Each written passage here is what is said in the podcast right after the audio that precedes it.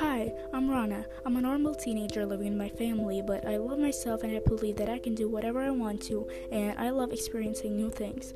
This is what is going to be represented in my podcast, Teen's Life Experience. This podcast isn't only showing basic information about me, but it also will show you how teenagers feel, think, and how they're facing their life.